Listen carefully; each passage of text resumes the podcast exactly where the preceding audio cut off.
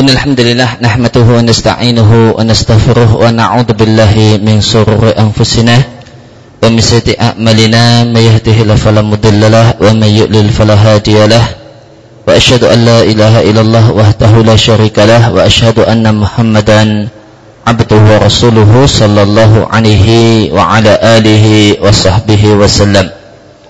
Bapak dan Ibu kaum muslimin dan muslimah jamaah salat maghrib. Masjid Al-Hidayah Purwosari rahimani wa rahimakumullah. Kembali kita lanjutkan kajian hadis-hadis Nabi sallallahu alaihi wasallam dari Riyadhus Shalihin min kalami Sayyidil Mursalin karya Al-Hafidh Abu Zakaria Yahya ibn Syarab An-Nawawi Ad-Dimashqi Asy-Syafi'i taala. Kita sampai masih di bab uh, bab tentang masalah takwa Hadis selanjutnya adalah hadis dari sahabat Ibnu Mas'ud radhiyallahu anhu. Sesungguhnya Nabi sallallahu alaihi wasallam karena yakul beliau sering berdoa. Di antara doa yang sering Nabi panjatkan adalah Allahumma inni as'alukal huda wat tuqa wal afafa wal khina. Ya Allah, aku memohon kepadamu hidayah. Aku mohon kepadamu petunjuk Aku mohon kepadamu agar engkau masukkan ke dalam hatiku takwa. Dan aku mohon kepadamu agar aku diberi kekuatan untuk ala-afafa. Menjauhi berbagai hal yang haram. Wal ghina dan ya Allah aku mohon kepadamu kecukupan merasa cukup dengan anugerahmu dan pemberianmu. Demikian dalam hadis yang diatkan oleh Muslim. Maka di antara hadis yang dibawakan oleh penulis rahimallahu taala di bab takwa adalah hadis ini yaitu hadis yang isinya adalah doa yang sering dipanjatkan oleh Nabi sallallahu alaihi wasallam. Allahumma inni as'alukal huda wa tuqa wal afaf wal ghina. Ya dalam dalam doa ini Nabi Shallallahu Alaihi Wasallam memohon empat perkara kepada Allah Subhanahu Wa Taala. Yang pertama adalah hidayah atau petunjuk dan tentu hidayah Allah Subhanahu wa taala itu ada dua macam, ada hidayah ilmu dan ada hidayah amal. Ya, ada hidayah ilmu, hidayah informasi. Ya, hidayah berupa informasi dan pengetahuan manakah yang baik dan manakah yang buruk. Ya, maka uh, kemudian ada hidayah jenis yang kedua adalah hidayah amal.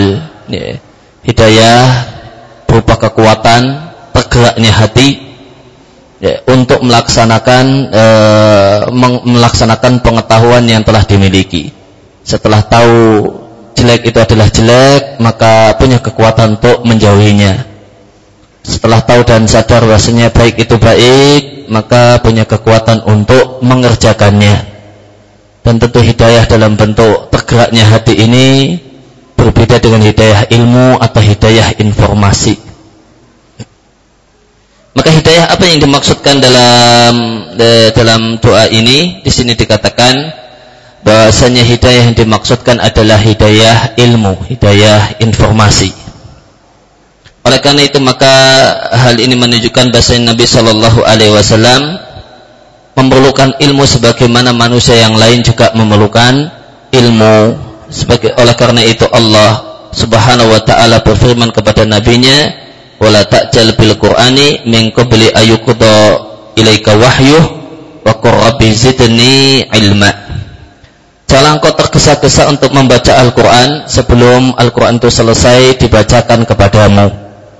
Wakul dan katakanlah dan doa dan berdoalah wahai Muhammad sallallahu alaihi wasallam wahai Rabbku berilah tambahan ilmu kepadaku. Demikian di surat Toha ayat yang ke-114. Maka di ya, maka berdasarkan surat At-Taha 114 ini kita jumpai satu-satunya perkara. Satu-satunya perkara yang Allah Subhanahu wa taala memerintahkan nabinya untuk meminta tambahan. Ya, tidak ada satupun perkara yang Allah perintahkan kepada nabinya untuk meminta tambahan kecuali tambahan ilmu. Ya, tidak ada kita jumpai perintah Allah kepada nabinya untuk meminta tambahan istri, untuk meminta tambahan harta atau yang lain.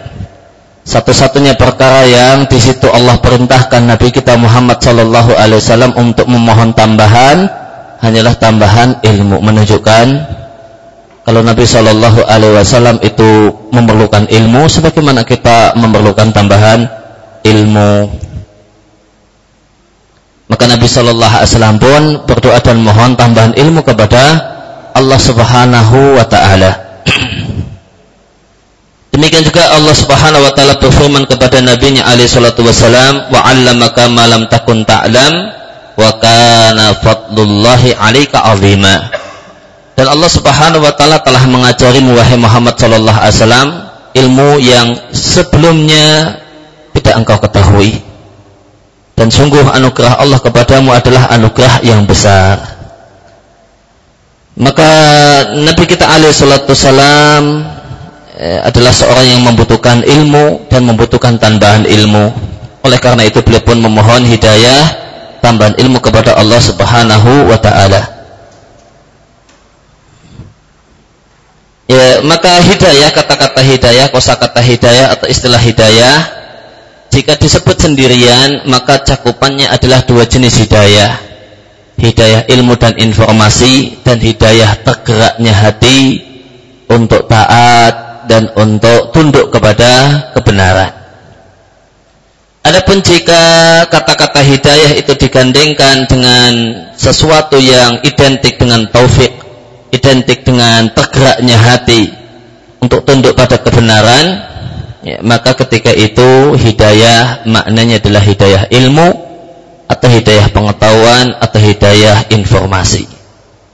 Ya, karena hukum asal dalam bahasa Arab kalau di uh, ada kata sambung yang menyambung menghubungkan dua kata maka kedua kata tersebut maknanya berbeda sehingga hidayah punya makna tersendiri dan kata setelah hidayah yang itu identik dengan tegaknya hati untuk tunduk pada kebenaran itu punya makna yang lain. Maka di sini hidayah digandengkan dengan takwa. Maka takwa itu sama dengan tegaknya hati untuk taat. Untuk menjalankan perintah Allah Subhanahu wa taala dan menjauhi larangan-larangannya.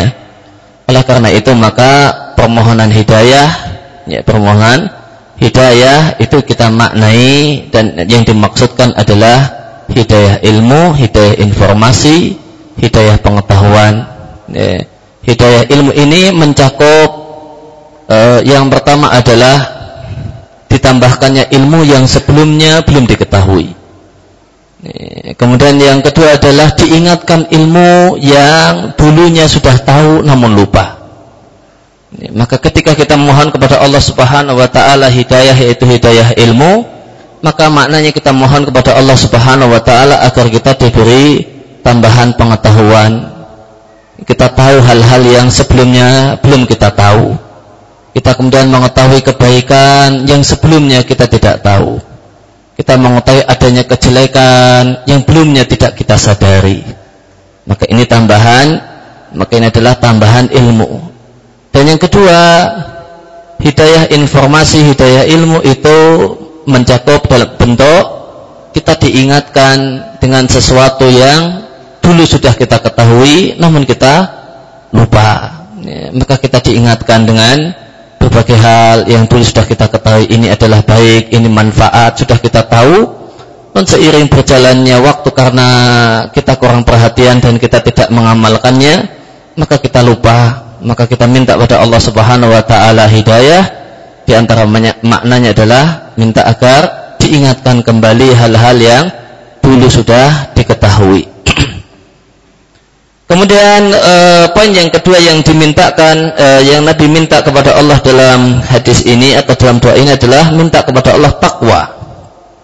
Ya, oleh karena itu maka hadis ini dimasukkan di bab ini yaitu bab takwa.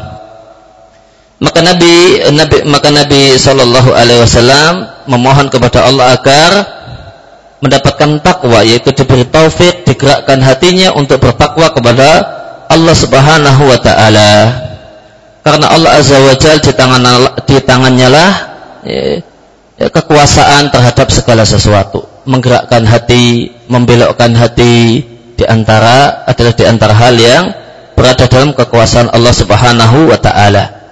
Oleh karena itu jika seorang hamba itu tidak diurusi oleh Allah Subhanahu wa taala. Ketika Allah pasrahkan kepada hamba tersebut apa eh, dirinya sendiri, maka doa tentu dia akan kerepotan dan dia tidak akan mendapatkan apa pun.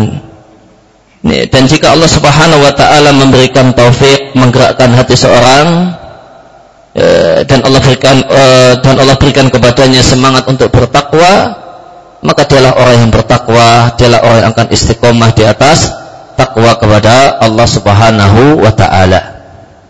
Maka setelah memohon hidayah yaitu petunjuk ilmu tambahan uh, ya, hidayah ilmu dan informasi kemudian Nabi Shallallahu Alaihi Wasallam memohon kepada Allah Subhanahu Wa Taala agar digerakkan hatinya untuk melaksanakan informasi-informasi yang telah diketahui informasi tentang kebaikan dan tegak hatinya untuk melakukannya. Ya, setelah menyadari ada berbagai macam kebaikan ya, Islam adalah kebaikan membaca Al-Quran adalah kebaikan ya, kemudian berzikir adalah kebaikan. Maka banyak kita mengetahui hal tersebut namun belum tergerak untuk melakukannya. Ya, maka ini membutuhkan hidayah kepada takwa atau hidayah taufik demikian juga Nabi Wasallam memohon kepada Allah Subhanahu Wa Taala agar digerakkan untuk e, untuk bisa menjauhi berbagai macam keburukan yang telah diketahui informasinya. Karena tidak semua orang yang tahu kejelekan adalah kejelekan hatinya tergerak untuk meninggalkannya.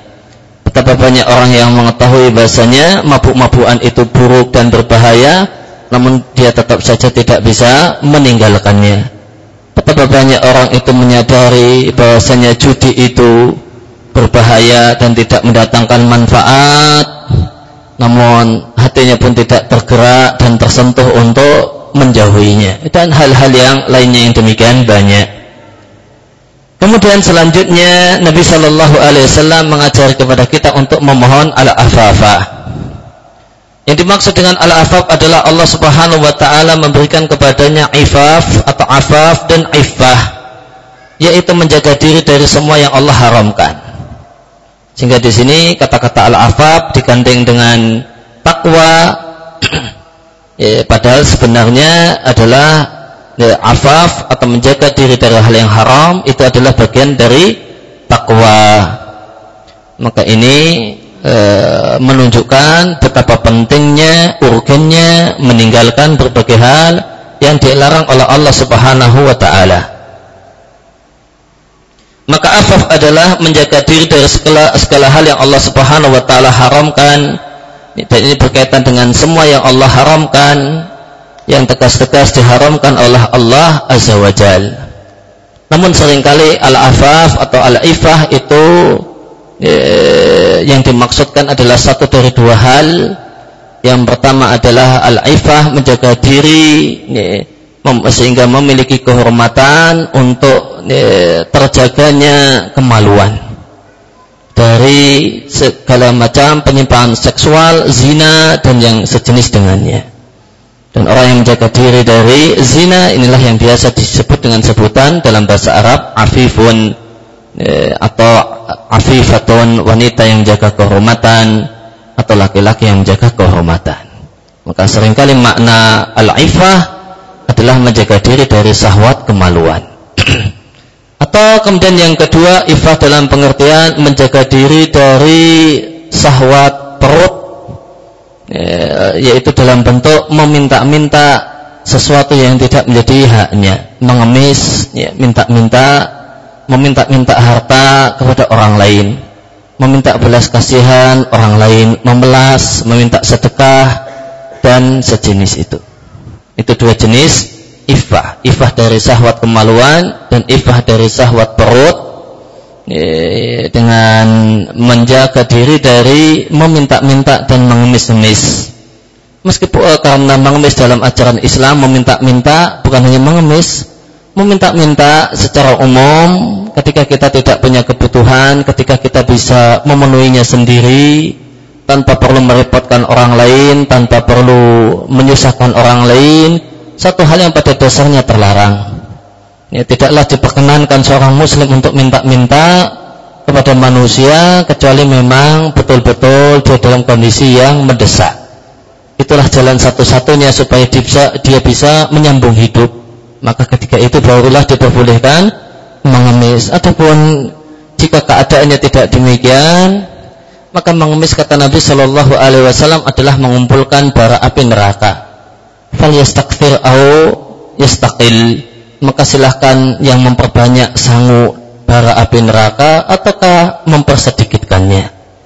Ya, demikian juga Nabi Shallallahu Alaihi Wasallam sampaikan meminta-minta dan mengemis tanpa kebutuhan yang diperbolehkan maka itu akan menyebabkan orang yang menghadap Allah Subhanahu Wa Taala dalam keadaan tidak ada daging di wajahnya.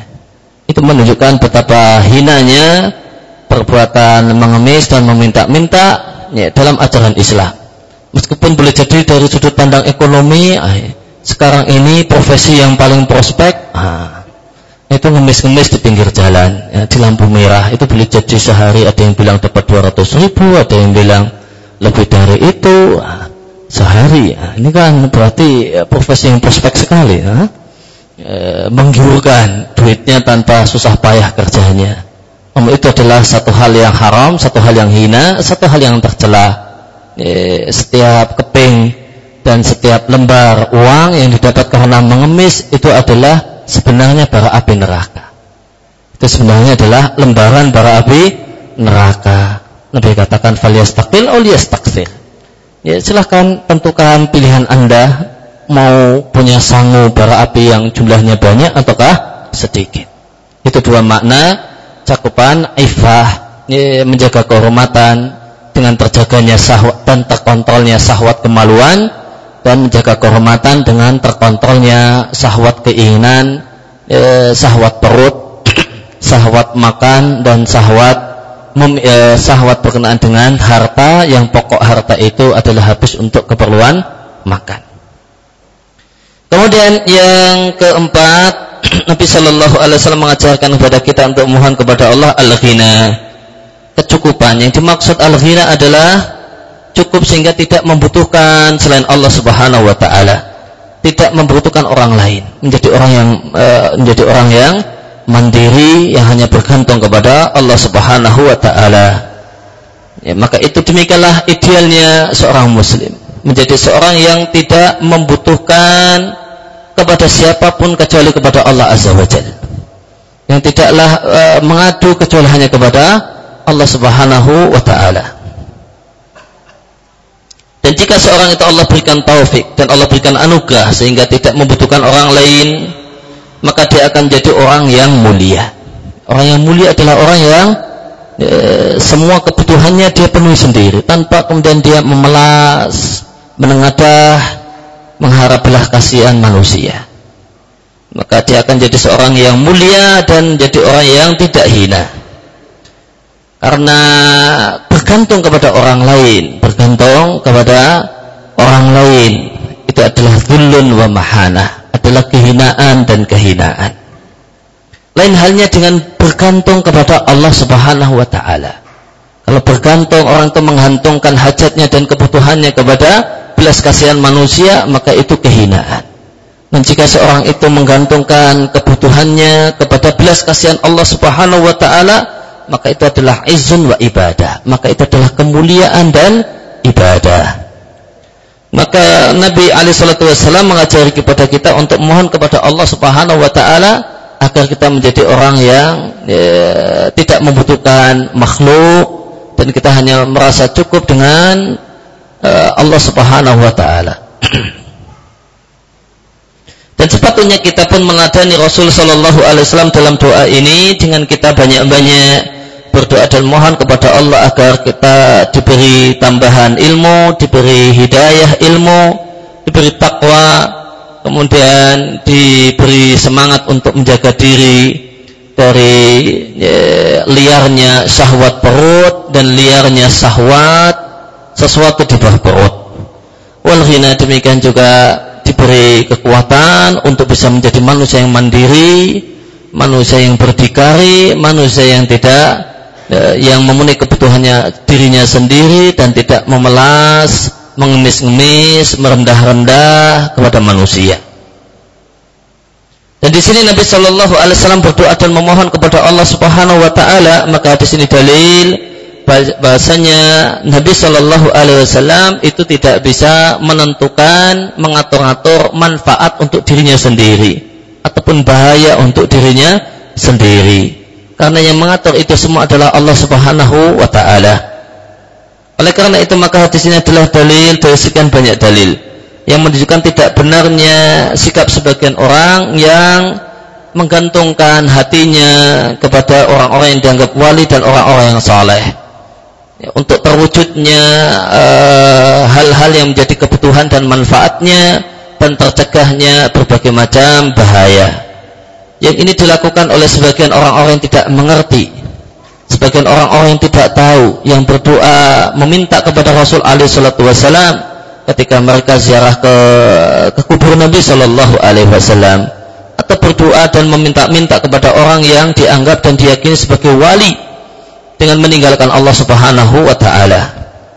Maka orang yang melakukan tindakan semacam ini, ya, maka ada ya, orang semacam ini yang meminta-minta kepada makhluk, meminta-minta kepada orang yang sudah mati, meskipun itu adalah orang soleh dan wali atau bahkan seorang nabi ini adalah kesesatan. Dari tinjauan agama ini adalah sebuah kesesatan. Dan dari sisi akal sehat ini adalah sebuah kebodohan.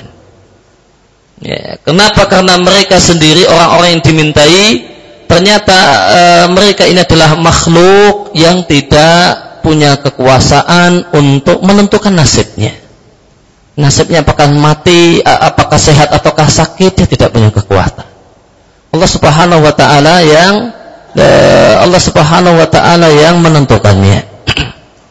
Allah Subhanahu wa taala yang mengaturnya. Sebagaimana firman Allah taala untuk nabinya sallallahu alaihi wasallam dalam dalam ayat dalam surat Al-An'am ayat yang ke-50 eh, Allah Subhanahu wa taala memerintahkan nabi kita untuk memberikan pengumuman kepada semua manusia La aqulu lakum indi khazainullahi. Ketahuilah wahai seluruh manusia, aku tidak memiliki perbendaraan Allah. Ya. Aku tidak punya otoritas untuk menentukan anugerah Allah Subhanahu wa taala, siapa yang kaya, siapa yang miskin, siapa yang sehat, siapa yang sakit. Saya tidak punya otoritas. Itu adalah anugerah Allah Subhanahu wa taala semata. Wala a'lamul ghaibah dan aku pun juga tidak tahu masa depan. Aku tidak tahu hal yang akan yang belum terjadi. Wala aqulu lakum inni malak dan ketahuilah wahai semua manusia bahasanya aku tidak pernah menyampaikan kepada kalian bahasanya aku adalah malaikat. Demikian juga di ayat yang lain di surat Al-A'raf ayat yang ke-188 Allah Subhanahu wa taala memerintahkan nabi kita untuk menyampaikan pengumuman. La amliku li nafsi naf'an wala dharra. Wahai manusia, ketahuilah bahasanya aku Muhammad sallallahu alaihi wasallam tidak bisa mengontrol untuk diriku manfaat dan bahaya. Aku tidak bisa ngatur-ngatur kapan aku sakit, kapan aku sehat. kapan kemudian kapan kemudian senang dan kapan bahagia, kapan menangis karena sedih. Aku tidak bisa uh, punya kekuasaan untuk mengatur itu semua. Illa masya Allah kecuali semata-mata kehendak dan takdir Allah Subhanahu wa taala. Demikian juga di surat uh, Al-Jin ayat yang ke-21 dan 22 kembali Allah Subhanahu wa taala memerintahkan nabinya untuk memberikan pengumuman yang ditujukan kepada seluruh manusia. Inilah amliku lakum wala rasyada. Wahai sekalian manusia ketahuilah bahasanya aku tidak punya otoritas untuk mengatur bahaya dan petunjuk. Siapa yang sesat, siapa yang mendapatkan hidayah, aku tidak punya otoritas untuk menentukannya siapa yang mati, siapa yang uh, lahir, aku juga tidak punya otoritas untuk menentukannya. Siapa yang selamat, siapa yang kecelakaan, aku juga tidak punya otoritas untuk menentukannya. Kul inni la yujirani minallahi ahadun. Katakanlah umumkanlah wahai Muhammad sallallahu alaihi wasallam, tidak ada satupun orang yang bisa melindungiku dari azab Allah. Ya, Nabi itu diperintahkan untuk memberikan pengumuman kepada seluruh manusia. Bahasa tidak ada satupun orang yang bisa, satupun pihak yang bisa melindungi aku dari azab dan murka Allah Subhanahu wa taala. Walan ajida min dunihi multahada dan aku tidak menjumpai satupun orang yang bisa menjadi tempatku berlindung dari murka dan siksa Allah Subhanahu wa taala. Oleh karena itu maka setiap kita sebagai manusia punya kewajiban untuk menyadari bahasanya manusia selama dia adalah manusia sehebat apa pun dia begitu meskipun dia e, demikian hebatnya al-wajahah kedudukannya dan kemuliaannya di sisi Allah Azza wa Jal meskipun dia memiliki manzilah kedudukan dan martabat yang demikian mulia di sisi Allah Subhanahu wa taala tidak ada sehebat apa pun sesoleh apa pun semulia apa pun manusia di sisi Allah Subhanahu wa taala tidak ada yang berhak untuk menjadi eh, tidak ada tidaklah berhak untuk kita minta-mintai. Tidak ada satupun yang berhak untuk kita berdoa minta-minta kepadanya. Bahkan mereka-mereka yang memiliki kedudukan di sisi Allah karena mereka adalah nabi dan orang soleh, mereka berlepas diri dan betul-betul berlepas diri jika ada orang yang malah minta-minta dan berdoa kepada mereka.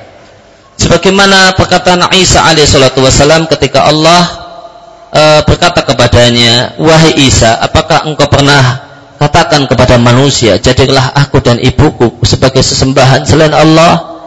Maka Isa telah memberikan jawaban tegas, Subhanaka maha engkau ya Allah, tidaklah pantas bagiku untuk mengatakan sesuatu yang tidak berhak untuk aku katakan dan tidaklah menjadi hak Isa dan yang lainnya untuk mengatakan kepada manusia angkatlah dan jadikanlah aku sesembahan selain Allah Subhanahu wa taala. Dan jika lanjut Isa, jika aku pernah mengatakannya tentu engkau mengetahuinya karena engkau mengetahui e, isi hatiku dan aku tidak mengetahui yang yang ada pada dirimu. Sesungguhnya engkau adalah zat yang mengetahui hal-hal yang gaib.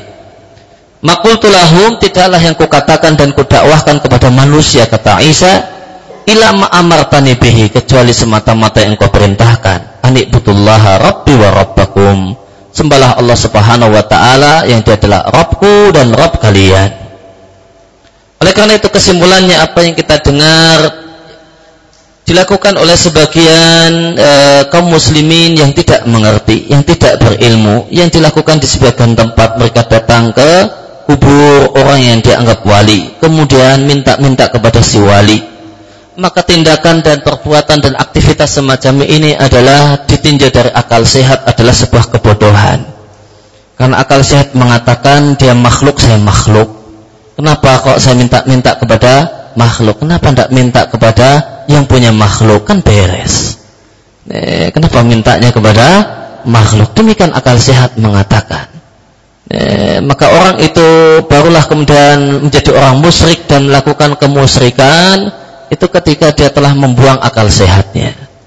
Membuang akal sehatnya orang dah mati, ya, yang dia malah butuh doa kita, lah kok malah dimintai. Malah kita berdoa kepadanya. Oh dia butuh doa orang yang hidup.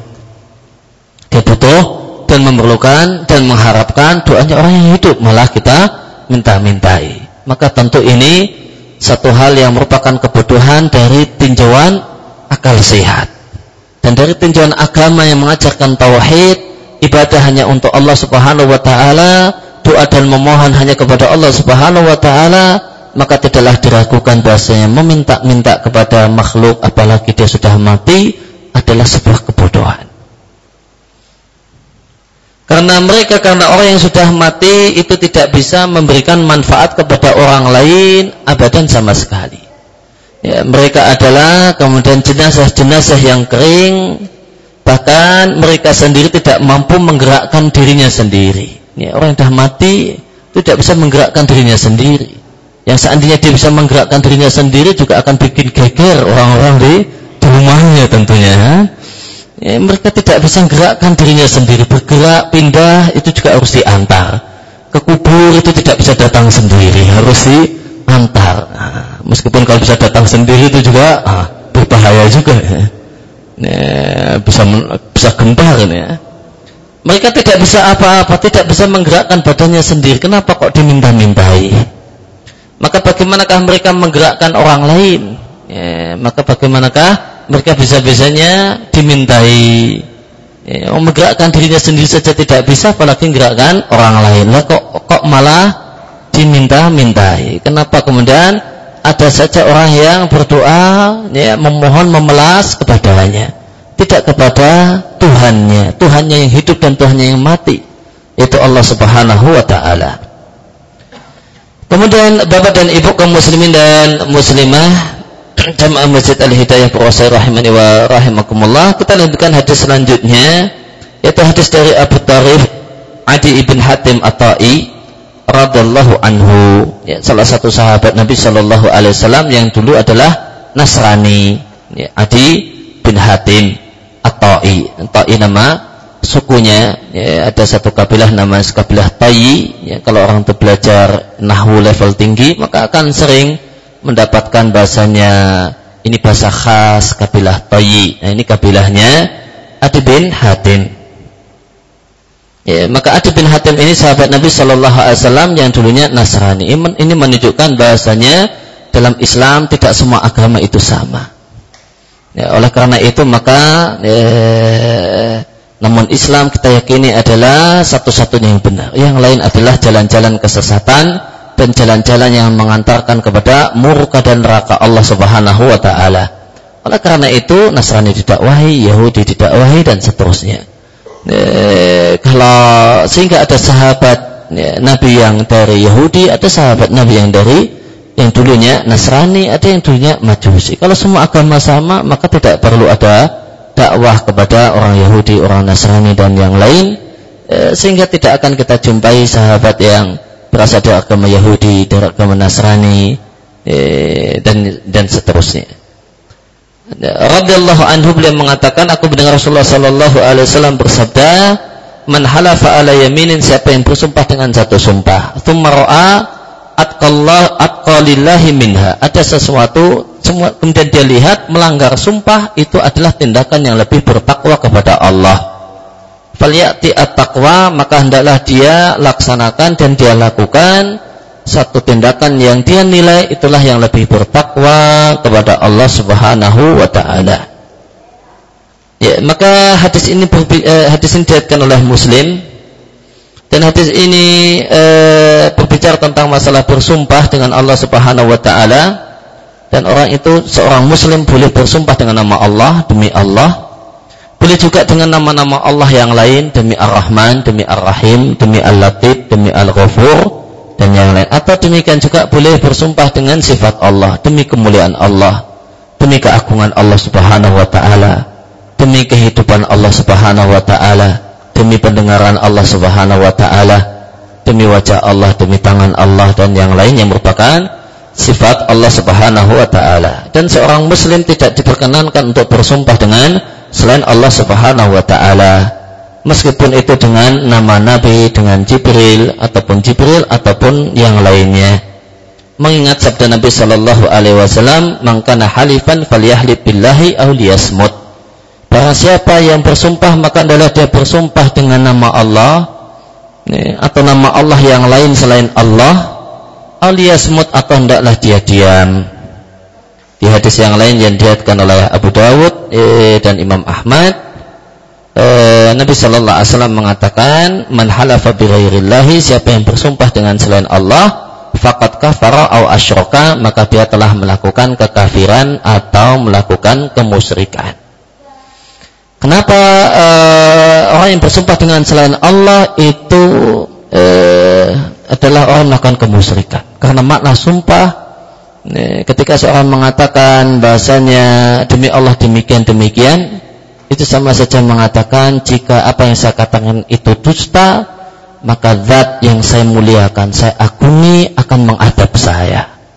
Akan menimpakan siksaannya kepadaku ini maka yakinlah bahasanya apa yang saya sampaikan itu benar. Maka ketika kita katakan demi Allah kemarin saya sakit misalnya. Maka kalimat tersebut mengatakan ya, kalimat tersebut e, maknanya adalah jika pernyataan saya kemarin saya itu sakit itu dusta maka Allah Subhanahu wa taala zat yang saya muliakan, saya agungkan, satu zat yang demikian agung di hatiku, dia akan mengadab dan menyiksaku. Maka di sana terdapat e, dalam sumpah itu terdapat secara tidak langsung penegasan. Bahasanya nama yang kita sebut dalam sumpah adalah adalah zat dan sesuatu yang sangat agung di hati kita. Dan zat yang paling agung di hati kita adalah Allah Subhanahu wa taala dan tidak ada yang uh, yang melebihinya. Oleh karena itu tidak boleh diganti dengan yang lainnya. Demikian juga keyakinan bisa mengazab dan menyiksa ya, menimpakan azab dan menimpakan siksaan tentu keyakinan kita sebagai seorang muslim itu hanya bisa dilakukan oleh Allah Subhanahu wa taala. Ya, oleh karena itu tidak boleh kemudian bersumpah dengan selain Allah Subhanahu wa taala. Karena bersumpah dengan selain Allah Subhanahu wa taala itu secara tidak langsung maknanya mengandung muatan makna bahwasanya dia meyakini adanya sesuatu selain Allah yang mengatur jagat raya sehingga bisa menimpakan siksaan kepadanya ketika dia dusta dengan sumpahnya. Ya, dan tentu seorang muslim tidak ya, tidak punya keyakinan semacam itu. Oleh karena itu maka bersumpah dengan selain Allah Subhanahu wa taala adalah di antara bentuk kemusyrikan.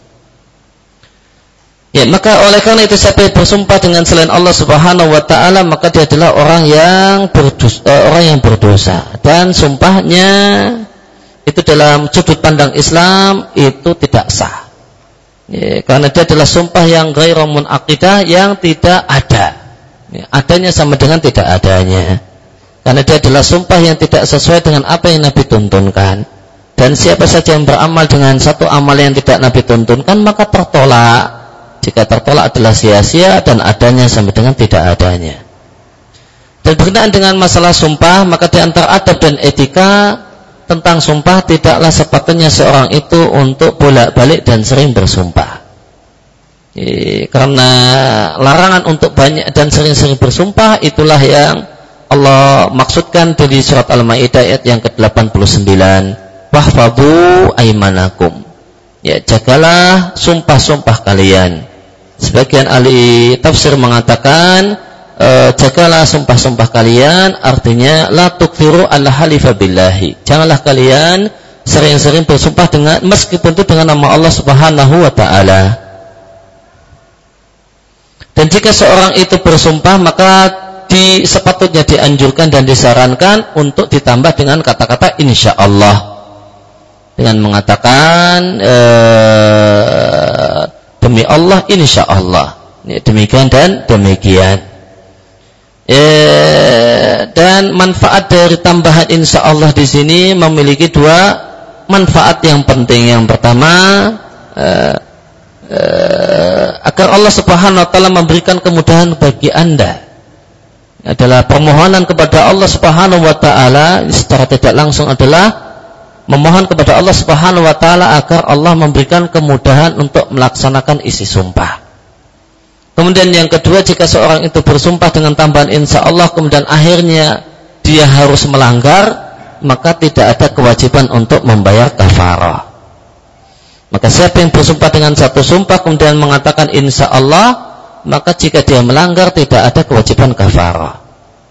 Ya, maka dia ter terhitung tidak melanggar sumpah meskipun dia melanggar menyelisihi isi sumpahnya. Namun perlu diketahui bahasanya sumpah yang itu bisa kena kafarah adalah sumpah yang berkenaan dengan masa depan. Adapun sumpah yang berkenaan dengan masa silam maka tidak ada kafarah di dalamnya. Akan tapi jika seorang itu ternyata bohong, sumpahnya berkenaan dengan masa masa lalu, itu adalah ternyata isinya bohong maka dia berdosa. Jika dia benar maka tidak ada kewajiban apa pun. Semacam ucapan demi Allah saya kemarin tidak melakukannya. E, maka e, maka sumpah semacam ini baik baik itu benar ataupun bohong tidak ada kafarahnya ya, akan tapi fa'inkana sadikan jika dia benar e, bahasanya dia tidak melakukannya maka dia bebas dari dosa. Namun jika dia berdusta maka dia karena dia ternyata telah melakukannya namun dia sumpahnya mengatakan tidak melakukannya maka dia eh, maka dia berdosa. Eh, adapun sumpah yang ada kafarahnya adalah sumpah berkenaan dengan masa depan. Jika seorang itu menyampaikan satu sumpah berkenaan dengan masa depan dengan mengatakan demi Allah saya tidak akan melakukannya. Ya, minggu depan atau selama seminggu ke depan saya tidak akan melakukannya. Maka di sini jika ternyata kok dilakukan maka ada kafarah. Jika kemudian tidak dilakukan maka tidak ada kafarah uh, kafarah yang harus dibayarkan. Hmm. Karena kalimat demi Allah saya tidak akan melakukannya di masa depan, minggu depan atau selama sebulan ke depan, maka ini sumpah yang sah. Jika kemudian ternyata dilanggar, maka ada kewajiban untuk membayar kafarah. Jika tidak e, tidak ada pelanggaran, maka tidak ada kafarah.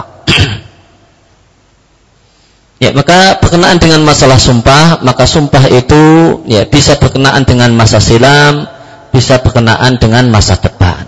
Ya. Sumpah berkenaan dengan masa silam, semisal kalimat demi Allah kemarin saya itu kemarin itu saya sakit sehingga saya tidak bisa masuk masuk kerja atau yang lain. Dia katakan kemarin saya itu sakit demi Allah saya sakit. Ya. Ini sumpah berkenaan dengan masa silam.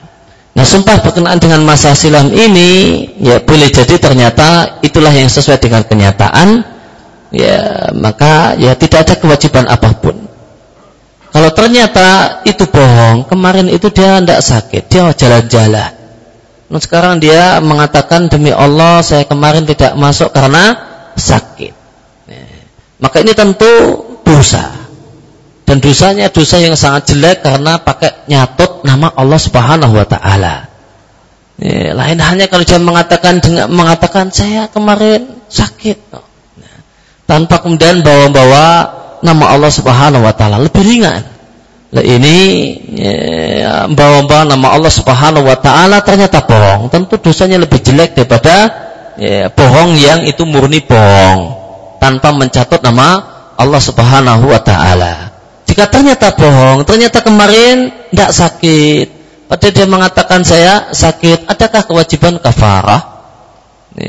dalam hal ini maka adakah kemudian penghapus dosanya maka ulama berselisih pendapat dan pendapat yang benar adalah yang tadi kita bacakan tidak ada penghapus dosa untuknya nah gimana solusinya tobat dan kalau itu solusinya tobat itu lebih sulit karena artinya mudah-mudahan kalau kemudian ada penghapus dosanya sudah itu dilakukan selesai itu dilakukan selesai. Lah ini cuma mudah-mudahan. Ya, terus gimana solusinya?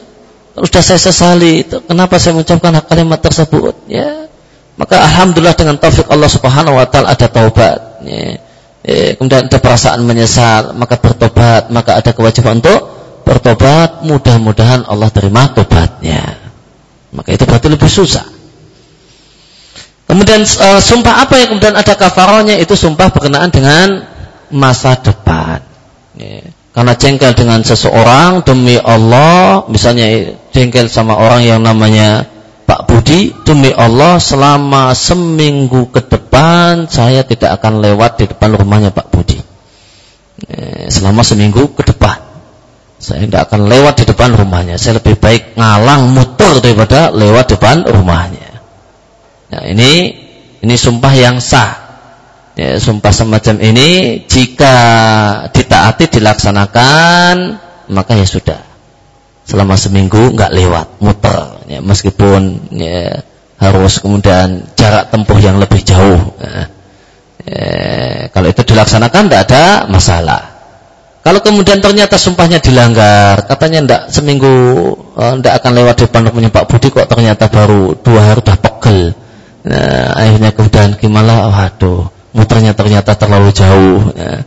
akhirnya kemudian dilanggar maka ada kewajiban kafarah ya, kafarahnya berupa memerdeka uh, tiga itu boleh milih. Ya Allah jelaskan di surat Al-Maidah ayat yang ke-89 ya tiga ada pilihan yang pertama adalah milih satu dari tiga hal. Memerdekakan budak jika tidak ada maka memberikan makan pada 10 orang miskin dengan makanan pertengahan yang biasa kalian makan. Kemudian yang ketiga atau e, atau kemudian e, memberikan pakaian menutup aurat untuk 10 orang miskin. Dan itu harus 10 orang, tidak boleh 5 orang kemudian didobeli dua-dua. Ya, harus e, 10. Dan kalau itu makanan, maka makanan yang pertengahan Kalau biasa misalnya makan nasi, makanan pokoknya nasi, kadang itu berasnya adalah sekilo 20 ribu, kadang ya pas dan tanggal tua ya, eh, pas kemudian kanker kantong kering ya akhirnya cuma bisa makan beras yang sekilonya 10 ribu. Ya, maka minimal nasi yang diberikan adalah yang harganya 15 ribu per kilonya. Tidak boleh kurang dari itu. Kalau kemudian nasi yang dia berikan kemudian e, beras harga 12 ribu per kilo, maka belum sah. Ya, kafarahnya belum sah. Harus yang pertengahan. Min awsati imuna ahlikum. Pertengahan yang biasa kalian berikan untuk makan keluargamu. Pertengahan Mana kemudian interval yang paling tinggi, mana yang paling rendah, ambil tengah-tengahnya. Pas kemudian duitnya banyak-banyaknya itu, eh, nasinya itu harga berapa, berasnya itu kil, sekilonya berapa, pas kemudian bukek-bukeknya berapa, nah itu wajibnya tengah-tengahnya. Eh, kalau kemudian pilih yang interval paling tinggi, ya monggo. Nah, tapi kalau kemudian ngambil yang paling bawah, tidak boleh ya, minimal e, minimal wajibnya adalah yang pertengahan. Kemudian jika tiga-tiganya tidak ada yang bisa, maka puasa tiga hari yang sebaiknya berturut-turut. Yaitu e, sumpah berkenaan dengan masa depan dan itu yang ada kafarahnya. Adapun jika dilanggar, kalau sumpah berkenaan dengan masa silam, itu jika ternyata dusta, maka tidak ada kafarahnya. Kewajibannya adalah bertobat kepada Allah Subhanahu wa taala seiring berharap mudah-mudahan. Allah terima tobatnya. Demikian yang kita baca kesempatan malam hari ini. Wasallallahu ala nabiyina Muhammadin wa ala alihi wasallam wa alamin subhanaka allahumma bihamdika asyhadu an la ilaha illa anta astaghfiruka wa atubu ilaik